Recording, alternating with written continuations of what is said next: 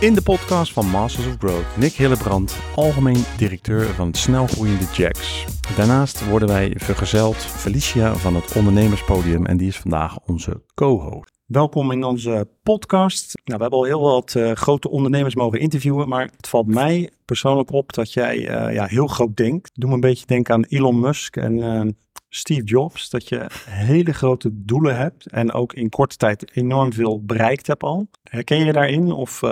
Nou, ik vind dit wel hele grote vergelijkingen, maar nou, als we ons ooit in dat rijtje mogen voegen, zou het natuurlijk wel heel mooi zijn. In twee jaar heb je al enorm veel bereikt. Ja, dat wel. Ja, deze organisatie bestaat nu twee jaar en vier maanden en dat is wel uh, hard gegaan. Uh, je bent ooit begonnen als uh, marinier, als ik het goed zeg. Ja. Volgens mij haal je daar ook wel echt jouw drive uit. Een van jullie kenwaarden is ook lef. Dat vind ik heel erg mooi. Ik zie het ook wel echt terug in je organisatie. Kan je ons een beetje vertellen hoe jullie bedrijf in elkaar steekt? ja, of ik dat zo echt kan uh, samenvatten is best wel complex dan. Ja. ja wij zijn een, een tech-organisatie. Um, software en services bouwen wij. En onze kernklant zijn uitzendorganisaties.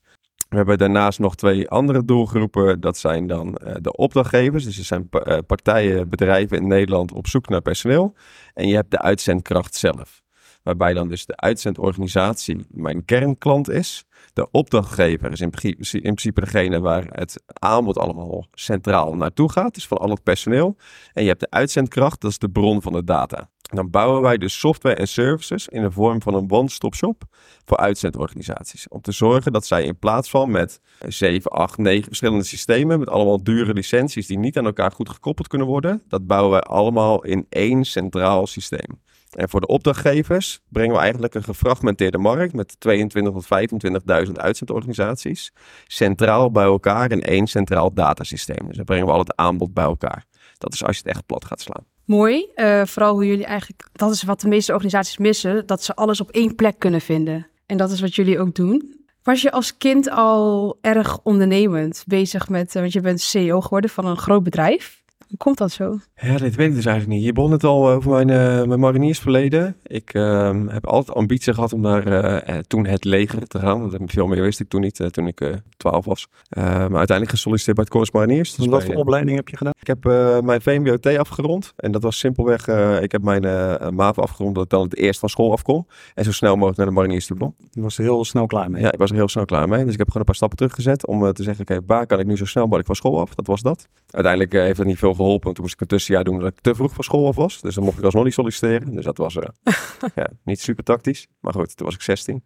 Maar toen dus een mariniersopleiding gedaan. En uh, vanuit daar uh, doorgestroomd naar waar ik nu ben eigenlijk. Ja. Nou ja, maar dat is best wel een bizar, wil ik het noemen, maar best wel een aparte stap, toch? Dat je gewoon marinier bent en ineens ben je CEO van een enorm bedrijf. Ja, oké, maar ik ben natuurlijk uh, als founder en CEO van deze organisatie met uh, nul man personeel op het begin. Dus ik krijg niet ineens 280 man die ik nu heb onder me. En leiding geven en coördineren en stressbestendigheid, dat leer je natuurlijk met Kors Mariniers gewoon iedere dag. En ook de discipline, denk ik vooral. Ja, precies. Dus je leert daar eigenlijk alles wel. Coördineren. Voornamelijk communiceren is echt een les die je daar leert. Kort, bondig, duidelijk, krachtig communiceren. Om te zorgen dat je mensen mee kan nemen in je visie, in je vibe. Kan zorgen dat je met z'n allen voor één doel gaat. Naar één, naar één eindgame gaat. Ja, dat merk ik vooral heel erg bij uh, Jax. Dat jullie echt een groepsdynamiek hebben. Ja, soms misschien iets te extreem. Nou. Hoe uitzicht dat? Nou ja, je ziet wel dat als je uh, achterloopt achter bepaalde doelstellingen bijvoorbeeld, dat dan mensen, als je hier s'avonds komt, staat eigenlijk iedere dag het licht nog aan. En dat is niet omdat wij zeggen dat ze moeten overwerken, dat is omdat er hier dan gewoon nog echt wel heel veel mensen zitten over te werken. En doen ze allemaal zelfstandig, maar dat kan ook te veel worden en dat kan ook doorslaan.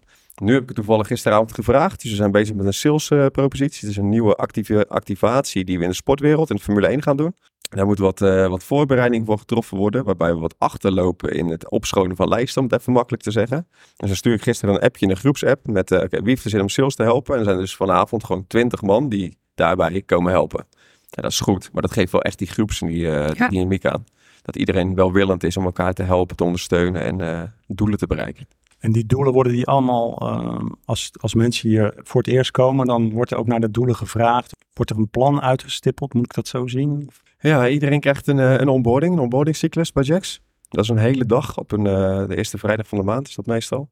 En dan um, worden de, de doelstellingen van Jax lange termijn, korte termijn per kwartaal en dan uh, kleiner samengevat. Er wordt helemaal uitgelegd wie onze klanten zijn, waar met onze klanten zijn, wat onze business proposities zijn.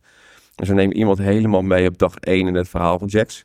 En wat je hier komt doen en wat je dan eigenlijk komt toevoegen. En wat jouw rol in het geheel is. Want iedereen is even belangrijk. Elke schakel in de keten is van cruciaal belang. Alleen iedereen heeft een andere vorm van mate van eh, dossiers. Dat is het eigenlijk. Echt een warme community eigenlijk, als ik het zo hoor. Wat mij opvalt is dat moet iedereen zeg maar in het mariniers, korps mariniers gaan om uh, een business uh, goed te leiden. Is, is dat een uh, wellicht wat we hieruit kunnen halen? Of, ja, ik weet wel zeker dat ehm, heel veel mensen heel eff veel efficiënter zouden kunnen werken als ze daar een paar jaar hebben rond, rondgelopen. Ja, absoluut. Ja. En dat zie ik vooral aan de vergadertafel. Dat je hier af en toe wel even moet zeggen van oké, nu gaan even terug naar de kern. Vraag en antwoord. Go, volgende. Dankjewel, dat was al. Dat zie kan je iedereen daar goed mee omgaan? Of, uh, of Ja, vallen er dan mensen af waarvan je al dacht van ja, Ja, daar vallen ook wel mensen op af, ja. Maar dan hoor je gewoon niet in deze organisatie. En dan hoor je gewoon niet in een organisatie die eh, dus in, inderdaad eh, Ja. ja. lef toont. En eh, die in nul jaar, in vijf jaar van nul naar eh 1 miljard euro omzet wil. Heel mooi. Hoe ziet jouw werkdag er nu uit? Inmiddels, je, je begon bij nul man personeel. Ik denk dat je toen waarschijnlijk nog ehm, zelf heel veel op de voorgrond stond. En nu misschien wat meer op de achtergrond, meer partnerships hebt vooral. Hoe ziet voor jou nou een, een werkdag eruit? Ja, mijn werkdagen zijn wel heel variërend hoor. Naast dat we gewoon normaal operatie draaien, doe ik ook bijvoorbeeld de funding van de organisatie. Dus ik praat met alle investeerders, zowel particulier als eh, private equity bijvoorbeeld op het moment. We hebben inderdaad, en je noemt net het woord partnerships, we hebben natuurlijk grote partnerships lopen met onder andere Feyenoord en de Formule, eh, Formule 2, de Richard Schoor. Waarbij we nog veel meer eh, andere partnerships aan het uh, aantikken zijn om de activaties mee eh, op te draaien. Daar zijn we mee bezig. We hebben legal dossiers, finance dossiers. De ene keer heb je een cash issue, de andere keer heb je een, eh, een klant issue. Dan ben je met hele andere zaken bezig. Of je staat in een, recht, in een rechtszaak om iets op te lossen. Het kan echt alles zijn. Mijn dag is nooit hetzelfde als de dag ervoor. privé zeg maar, heb jij dan ook rituelen dat je 's ochtends uh, bij marinieren 30 keer opdrukt of zo? Ja, het klinkt, dat bedoel ik niet. eh, Nee, ik kom ook niet zo heel veel thuis eigenlijk. Dus ik eh, sta 's ochtends op. Dan eh, stap ik onder de douche. Dan eet ik meestal ook niet en rijd naar kantoor. Dan kom ik hier en eet ik hier even een bakwerk. En dan eh, ga ik aan het werk. En dan s'avonds rond een uur of twaalf rijd ik terug. En dan stap ik onder de douche. En dan stap ik mijn bed in. En de volgende ochtend word ik wakker. Dan stap ik weer onder de douche en rijd ik naar kantoor. En dat is gewoon een beetje hoe het doorgaat. Dag in, dag uit. En dat, eh, Echt wel een beetje die mariniersinstelling. Heel erg toegewijd en eh, veel discipline ook. eh. Het valt mij op dat je heel eh, zelfverzekerd bent. Eh, is dat ook iets wat je... had je dat al als, als, als kind? Of, Ja, als kind niet. Nee, als kind helemaal niet.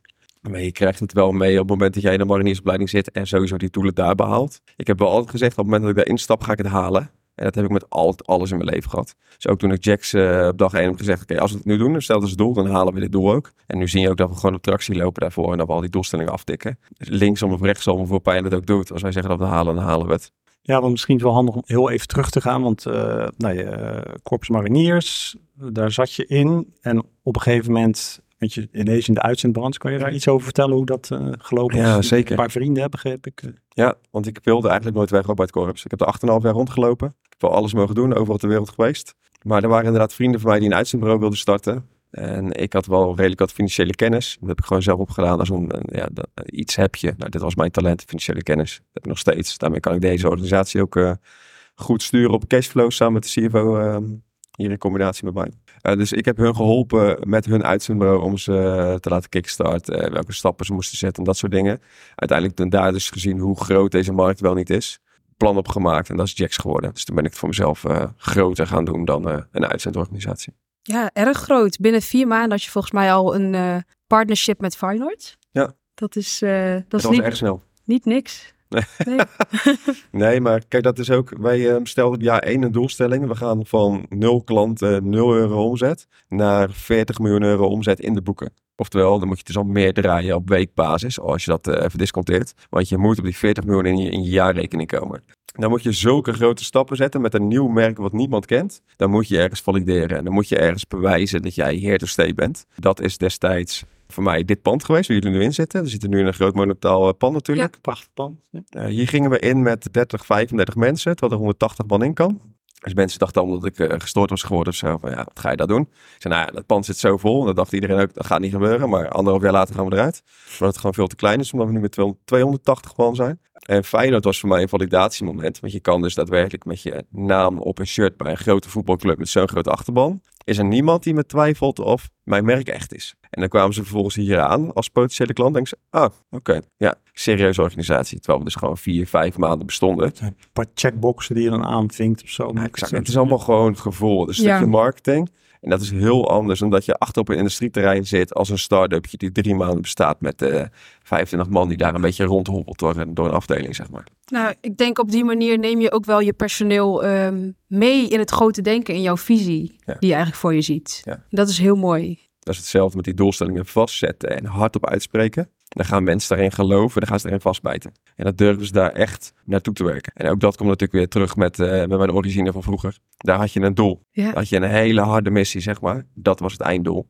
En daar werkte je naartoe. Die maakte je kleiner. En dan zet je stappen als team. En dat doen we hier hetzelfde. En al die onzekerheid is er gewoon uit, nou ja, geslagen wil ik niet zeggen, maar nou, misschien slaan ze wel bij de mariniers. Maar, Nee, ze slaan niet veel hoor. Nee. maar dat is er gewoon helemaal uitgeperst. En dan kan je dus zo denken. Moet ik het zo zien? Ja, Je moet super stressbestendig worden en eh, voor alles durven gaan. En alle risico's durven nemen. En dat, eh, dat hebben we hier nodig gehad. En dat hebben we nu gedaan. En daarom staan we nu op het niveau waar we nu zijn. En die uitdagingen gaan zeker blijven komen. En waarom zo snel en zo risicovol? Eh, ik heb gewoon een beetje adrenaline en een beetje kick nodig. Nou, dat was Anders vind ik echt geen, geen zak aan. Dus we hadden dit ook in tien jaar kunnen doen, zeg maar. Ik bedoel, het feit dat we nu ja, aan volumes 160 miljoen draaien of zo eh, op D-rate... is natuurlijk best wel een hoop. Maar de meeste organisaties of nooit gaan komen of daar eh, 40 jaar over doen. Ja, wij deden dat tussen de laatste twee jaar en drie maanden. En ik verwacht dit jaar in mijn boeken gewoon met 270 miljoen af te sluiten. Dat is mooi. Het zijn eh, mooie cijfers. mooie cijfers. dat is bizar. Nou ja, je hebt een droom, je hebt een visie en eh, het is gewoon prachtig ontstaan. Ehm, je wilt een miljard omzet halen. Ik hoorde je ook net zeggen van, je loopt af en toe nog wel eens aan tegen wat dingen. De ene keer sta je in de rechtszaak of eh, klanten, cashflow, wat nog niet gaat zoals je wilt. Hoe voer je dan de strategie uit naar die miljard omzet? Ja, ja. Ehm, die is opgeknipt in eh, heel veel kleine stukjes. Ja. En die gaat over heel veel verschillende businessmodellen. En die schaal je continu bij aan de hand van markttendensen. Wat reageert de klant? Wat is klantfeedback? Hoe werkt Ja. de software? Eh, hoe snel groeien volumes daadwerkelijk? Verandert de wet en regelgeving niet? Waar ik bijvoorbeeld vroeger eh, een stroom mocht opboeken als omzet, mag die tegenwoordig alleen maar als bruto marge. Dan ben ik dus 97% van die omzetstroom kwijt. Ja. Is op zich niet erg, want mijn bruto marge die stijgt. Maar daar moet ik dus wel even rekening mee houden in mijn calculaties en dergelijke. Ehm, dus die is helemaal platgeslagen. Maar wij werken met verschillende kaststromen waarbij ik ze eigenlijk samenvoeg als ik heb stromen die echt omzet toevoegen en ik heb stromen die bruto marges toevoegen. En die bruto marges zorgen voor de gezondheid van de organisatie. En die omzetstromen die hoeven niks op te leveren. Die moeten alleen maar volumes door die tent heen duwen. En wie houdt jou scherp tijdens dit proces? Want ik, ja, ik hoor jou zelf wel heel veel over praten en je hebt er ook verstand van. Maar ik kan me ook voorstellen, ehm, als jij als eigenaar uitvalt en jij bent degene met de missie en je ziet alles voor je, wie is dan degene, wie staat er achter jou? Eh, we hebben een leiderschap van acht, waar ik dan in zit. Dus ik ben eh, nummer acht in dat geval. Ehm, we hebben een advisory board met eh zes, zeven, acht man. Ik weet niet precies hoeveel mensen het zijn, maar gewoon een goede advisory board. Met allemaal echt wel prominente geslaagde mensen die al Oh ja. vaak dus dingen hebben gedaan. En van M&A-advocaten tot CTO's van grote e-commerce bedrijven. Er zitten gewoon echt wel daadwerkelijk mensen in die het Ja. snappen. Die ons coachen en ondersteunen. En de mensen die om mij heen zijn in directie, die snappen ook wel echt wat ze aan het doen zijn. Ja. Dus op het moment dat ik morgen eh, mezelf tegen een boom rijd, dan denk ik niet dat die tent ineens eh, weg is Nee. of zo. Mooi om ook mee te geven, denk ik, voor onze luisteraars. Dat je ook gewoon een goed team om je heen verzamelt. Dat je goede samenwerking hebt. Dat je continuïteit altijd door kan gaan. Hey, en eh, ja, die, die, die cashflow, dat is volgens mij de grootste uitdaging altijd nu. Of Ja, niet altijd, dat zijn piek- en dal momenten. Eh, we hebben dat best wel goed ingeregeld. We werken met een, een, een networking eh, strategy. Dus we werken op netto werkkapitaal. Eh, dat is helemaal, dat zeg ik, kijk, ik snap cijfers. Dus ik kan heel goed cashflow eh, strategieën bouwen samen met mijn CFO. Maar die is, die is nog een stuk beter in dan ik hoor, gelukkig. Maar je bouwt dus strategieën om te zorgen dat als je bepaalde elementen toevoegt, dat er meer cash naar binnen komt. In de basis, als wij groeien, komt er meer cash naar binnen. Dus dat is een, wij werken met een omgedraaide strategie. Dus normaal gesproken groeien bedrijven, dan groeien ze zichzelf kapot, zeg maar. Bij ons komt er meer cash de balans. Dat is lekker. Ehm, alleen je moet wel zorgen dat je dat vervolgens wel kan meten aan. Want je, financiert dat natuurlijk met werkkapitaalfinancieringen van de bank bijvoorbeeld. Maar het moet wel passen en meten in je kostenplaatje, in je bruto marges, in je groeicijfers en dat soort dingen. Dus daar zijn we wel de dag mee bezig. Toch heb je dan hey, ook wel eens piekmomenten dat je, nou nu, een makkelijk voorbeeld is om dat pand te verbouwen. Dan gaan miljoenen euro's aan verbouwingskosten doorheen. Dat zijn niet dingen die ik moet betalen over tien jaar. Ik moet ze nu betalen. Dus het zijn nu drukmomenten, zeg maar. Dus het is wel goed om daar rekening mee te houden dat het dus in je cashflow past. En daar zorgen wij de hele dag voor. Dat, dat monitoren we de hele dag om te kijken hoe doen we dat. En anders halen we extra financiering op om te zorgen dat je dat weer kan, uh, kan fixen. Totdat die cashflow weer op orde komt en dan betaal je de financiering weer terug. En doordat je zoveel data hebt, Ja. kan je constant daarop sturen. Ja, Dus daar ja, 24 uur per dag, of is dat overdreven? Uh, jawel, ja, we hebben echt super veel data. Van onszelf, van klanten, van uitzendorganisaties, van opdrachtgevers, van de markt. We zien natuurlijk elke stroom die hier doorheen loopt. Want duizenden bedrijven en honderden uh, uitzendbureaus, maar daarbij nog eens duizenden uitzendkrachten. Elke stroom loopt door ons systeem heen. Wat ze betalen, waar beslagen zitten, wat een klant rekent. Of wat een klant betaalt, wat een uitzendbureau rekent, waar de marges zitten, waar niet.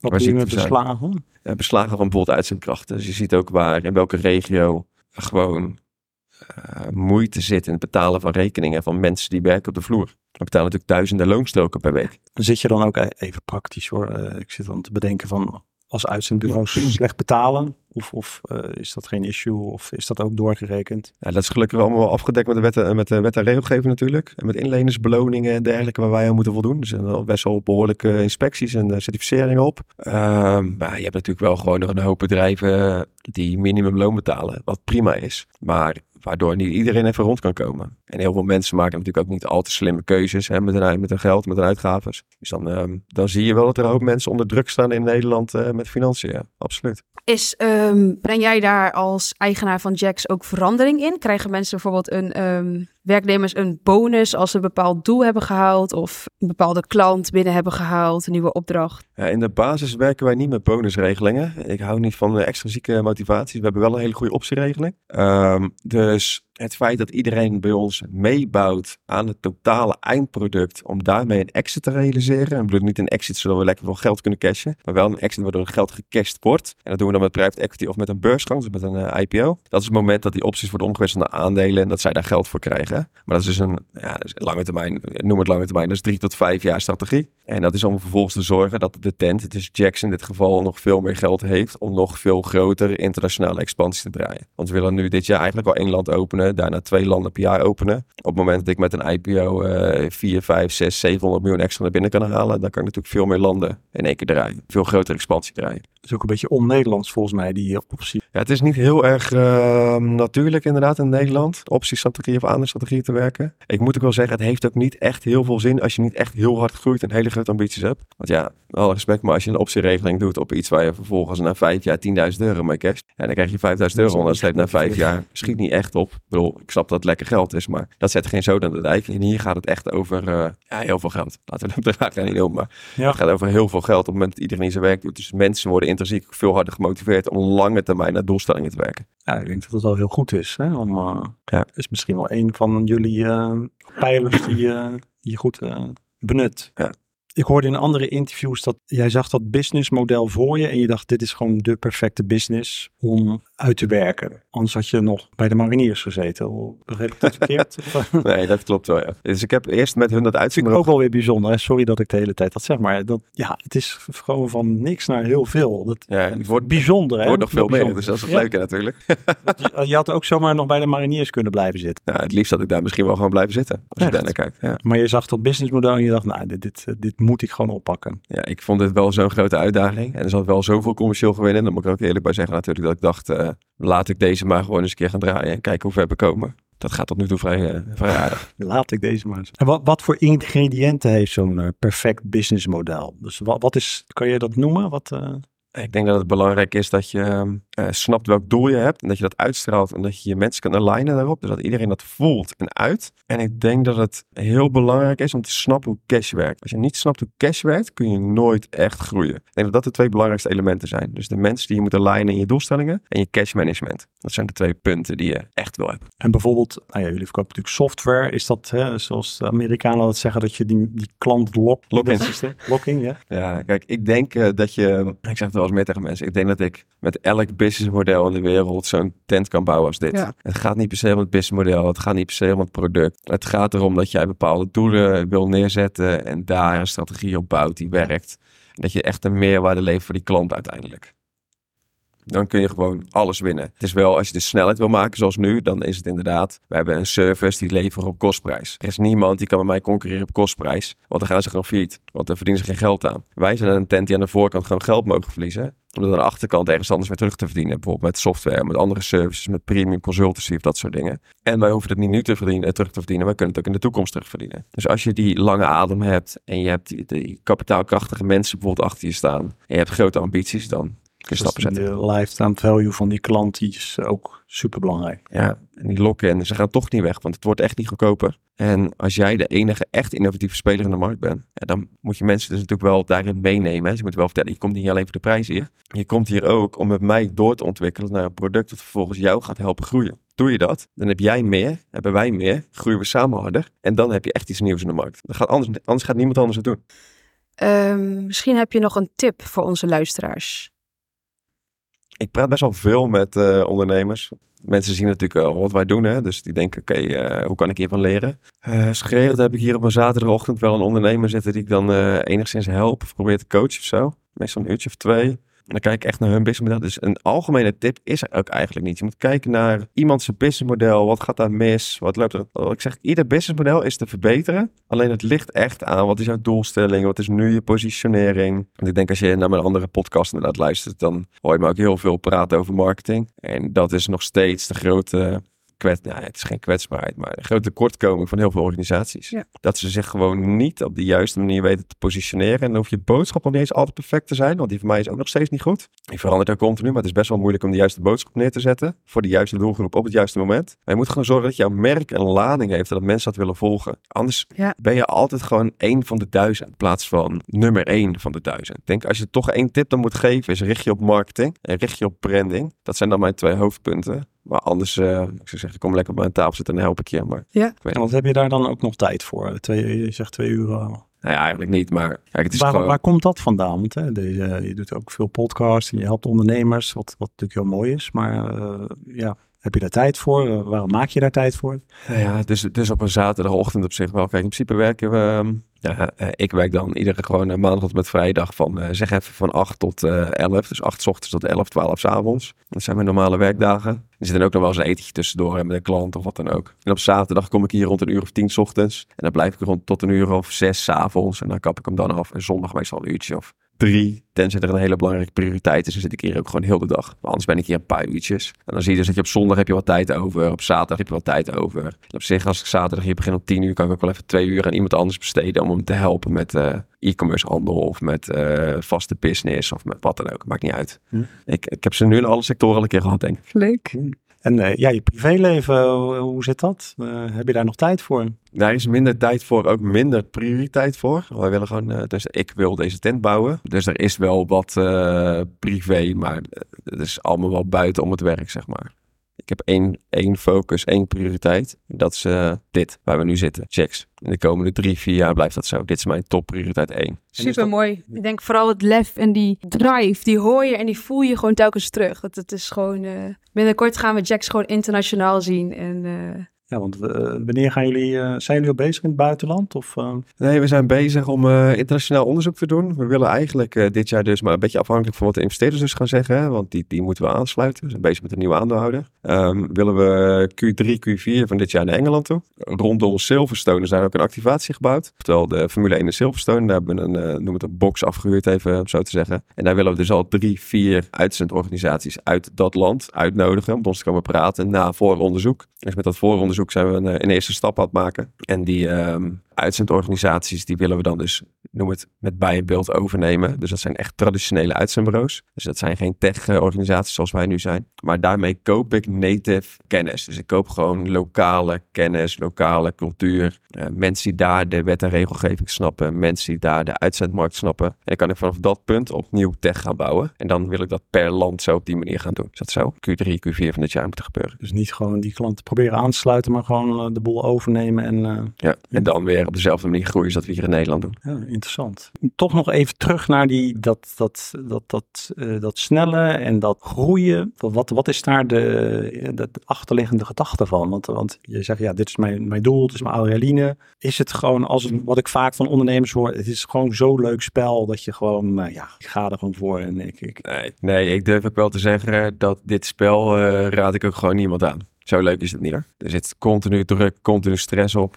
Uh, mensen die denken dat dit echt uh, een superleuk spelletje is, dat is het absoluut niet. Het is alleen maar om doelen te behalen, anders zou ik echt wel een paar tandjes minder draaien. Um, ook de organisatie zelf, die 280 man vinden het ook niet heel erg leuk. Ze werken met z'n allen naar een doel. Ze vinden het fantastisch om hier te werken. Ze vinden het vier van de vijf dagen wel leuk. Maar die andere dag staan ze gewoon zo zwaar onder druk dat ze het ook gewoon niet altijd relaxed vinden. Uh, maar ik denk dat als je deze markt echt wil winnen, dan moet dat snel. Bedoel, wij zijn nu de enige in de markt, nou, voor zover ik weet, wereldwijd, die dit zeg maar one-stop shop bouwen. Alles bij elkaar. Letterlijk software en service vooruit zijn branche daar komen 100% andere spelers bij. En als je nu al zoveel, want ik net zei, we draaien dan nu die 160 miljoen euro aan transacties, is nagenoeg nog steeds niks. Ik het is groot. Ik snap dat het veel is na 2,5 jaar. Uh, maar het is niks in de markt. Dus we willen dan heel snel naar die miljard in Nederland en dan die Europese landen openen om overal te laten zien, wij zijn hier en wij zullen hier de marktleider worden en zijn. Zodat je mensen achter je laat. Dus niet mensen, maar partijen, concurrenten, private equity, andere mensen die niet bij ons instappen. Dat ze in ieder geval achter ons blijven en maar nooit meer in kunnen halen. Ja. En dan heb je echt hoge, hoge druk en hoge snelheid nodig. Dus de winner takes it? Uh... Ja, wel een beetje. En dat moet gewoon, omdat het met je anders ingehaald wordt. Ja, als faciliterende speler wel. Kijk, dus, um, de markt is groot genoeg voor heel veel. Ik bedoel, de markt is niet voor niks zo gefragmenteerd nu. Er zitten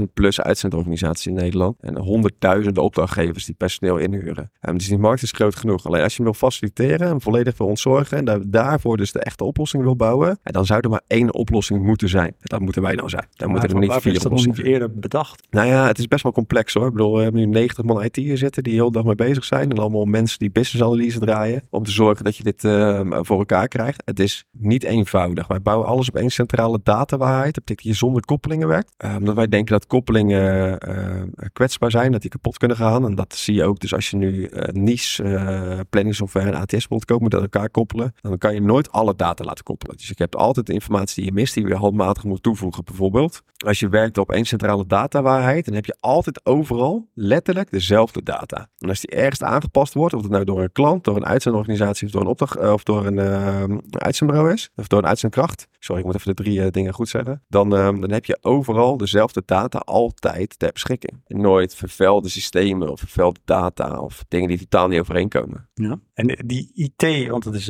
IT, nou ja, SaaS-producten toch?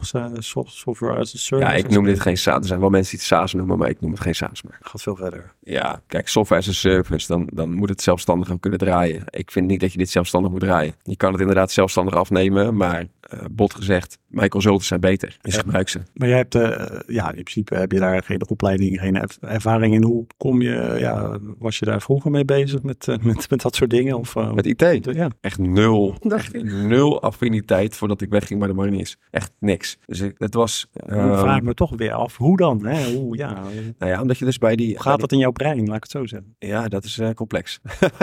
mijn brein uitleg is complex, denk ik. Het gaat in ieder geval heel snel en de verbanden worden heel snel Dat helpt mij om keuzes te maken op het juiste moment, op de juiste tijd. Um, maar in de tijd dat ik dat uitzendorganisatie, de juiste organisatie ben gaan, uh, gaan draaien met die, uh, met die vrienden. Toen kwam ik wel in aanraking met allerlei service dienstverleners. Uh, met allerlei software applicaties. Met allemaal consultants en dergelijke. Waar je op het begin door laat adviseren. Maar eigenlijk na vijf minuten achterkomt van jij snapt er eigenlijk helemaal geen zak van wat je aan het doen bent. Dus laat maar, ik doe het wel zelf. En dat heb je dan keer op keer en continu. Je betaalt overal een hoop geld voordat je bij jezelf denkt, weet je, volgens mij zit hier heel veel kansen. En toen ben ik gewoon met IT-specialisten gaan praten. Toen snapte ik echt werkelijk geen zak van over heel IT niet. Om te kijken, uh, wat moeten we dan doen? Hoe moet het dan in elkaar zitten? Hoe zit die architectuur dan in elkaar? En wat voor design moet dat dan hebben? Wat moet het werken? Dus uiteindelijk, degene die, mijn eerste programmeur is nu uh, hier de IT-baas. Dat is toeval, want niet iedereen kan dat natuurlijk. En niet iedere IT-developer kan doorgroeien naar, uh, naar een CTO-functie, zeg maar. Hij kon het wel. En dat is, dat is wel echt mooi om te zien dat, ik heb daar misschien een beetje geluk mee gehad met de juiste mensen aansluiten. Ja, waar gaat het heen? Nou ja, daar hebben we natuurlijk al een paar keer over gehad gehad. Ja, Buitenland. eh, we willen marktleiderschap, in ieder geval in uitzendland. Dan zullen we meerdere, eh, meerdere sectoren gaan openen. Bijvoorbeeld gelieerd aan uh, uitzenden. Stappen natuurlijk straks gewoon door de HR-markt in, dus breder. Niet erg supply chain wat, eh, wat volgt. Er zijn 100% er allerlei andere kansen die gaan volgen. Maar eerst maar eens even gewoon die uitzendland, het uitzendland eh, pakken. En eh, volledig eh, marktleider worden hier en in Europa. ja, en hoe hou je dat, eh, die, die valkuil, zeg maar, dat je te veel de focus versnippert? eh, nee, we nemen gewoon die andere kansen niet aan. Dus we doen het gewoon niet. Ja. Dus alle kansen worden afgewogen aan, eh, heeft dit eh, nut aan de totale doelstelling? Nou, dan is het nee. Dus dan doen we dat niet. Dat is dan eh, makkelijker. En soms doen we ook nog wel dingetjes waarvan je andere mensen zeggen, maar is dat niet focusverlies? Zeggen we nee, nee, dat is het ergste het verband. Helpt dit ons om producten in de markt te zetten of om validatie te creëren of wat dan ook. en doen jullie ook wel eens dingen dat je denkt van, nou, dat hadden we niet moeten doen? Ehm, weinig. Die heb ik vast wel gedaan hoor. Maar ik kan je nu even geen voorbeeld geven. Want dan heb ik ze waarschijnlijk alweer uit mijn uit mijn mind eh, weggehaald. heb ik ze alweer weggestopt ergens. Ja, ja, ja, snel vergeten. Ja, snel vergeten. We hadden het voorgesprek over eh, ja, dat ondernemers eh, groeidoelstellingen, ehm, de jongeren wat anders zien. Eh, heb je daar nog adviezen over? Want je had er net wat goede dingen daarover. Ja, de- inderdaad. Wat ik hier intern zie is dat eh, jonge mensen dus moeite hebben met prioriteiten stellen. Zoals we hier dus tussen de, ka- eh, de microfoons door al even zeiden. Als je eh, grote doelstellingen klein kan maken en daar prioriteiten aan kan hangen en daar niet meer van afwijkt, dan kom je veel vaker tot je einddoel. En dat is het belangrijkste, denk ik, wat heel veel mensen vergeten. Prioriteiten stellen. En ophakken in stukjes. Hè? Ja, klein maken. Tastbaar maken. Begrijpbaar maken. Ja.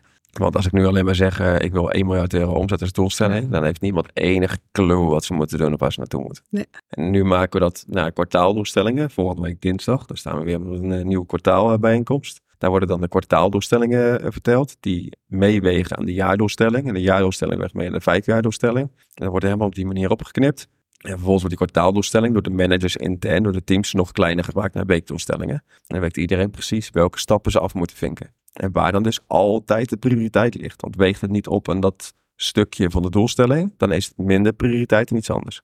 Nou, hoe voorkom je, maar goed, dat heb ik dan op microniveau, dat je gefrustreerd raakt als je die dagdoelen, weekdoelen niet haalt? Uh, Of ben je dan gewoon slecht bezig? nee, nee. Wat, wat moet je dan doen? Er zijn heel Moet veel dingen van de gefrustreerd invloed. raken of nog harder werken of terugstappen? Het ligt er een beetje aan. Als jij, eh, ja, als jij 30 uur in de week werkt en je raakt gefrustreerd dat je doelen niet haalt, ja, dan zeg ik, eh, ga maar gewoon lekker mee werken. Ja. Maar als jij al 80 uur in de week werkt en je haalt het niet, ja, dan zul je toch een keer op een andere manier naar de, naar de wereld moeten gaan kijken. Naar anders aan de snuis moeten gaan kijken. Of je doelstellingen zijn gewoon letterlijk niet haalbaar. Dat kan natuurlijk ook. Maar daar kan ik nu niet van over oordelen zonder dat ik eh, iedereen zijn doelstelling heb En een business moet altijd tractie hebben natuurlijk. Anders, Ja. eh, dat zie je ook nog vaak. Dat eh, Ja, mensen maar doorgaan en er is geen tractie en nog doorgaan. nee, verander dan gewoon je methode. Nou ja, bedankt voor je aanwezigheid, Nick. En ik hoop dat de eh, luisteraars hier wat aan hebben gehad. En wellicht komt er nog een vervolg van Jex, want ze gaan over twee maanden ook naar een nieuw pand. En eh, wij blijven Jex zeker volgen. Bedankt voor het luisteren.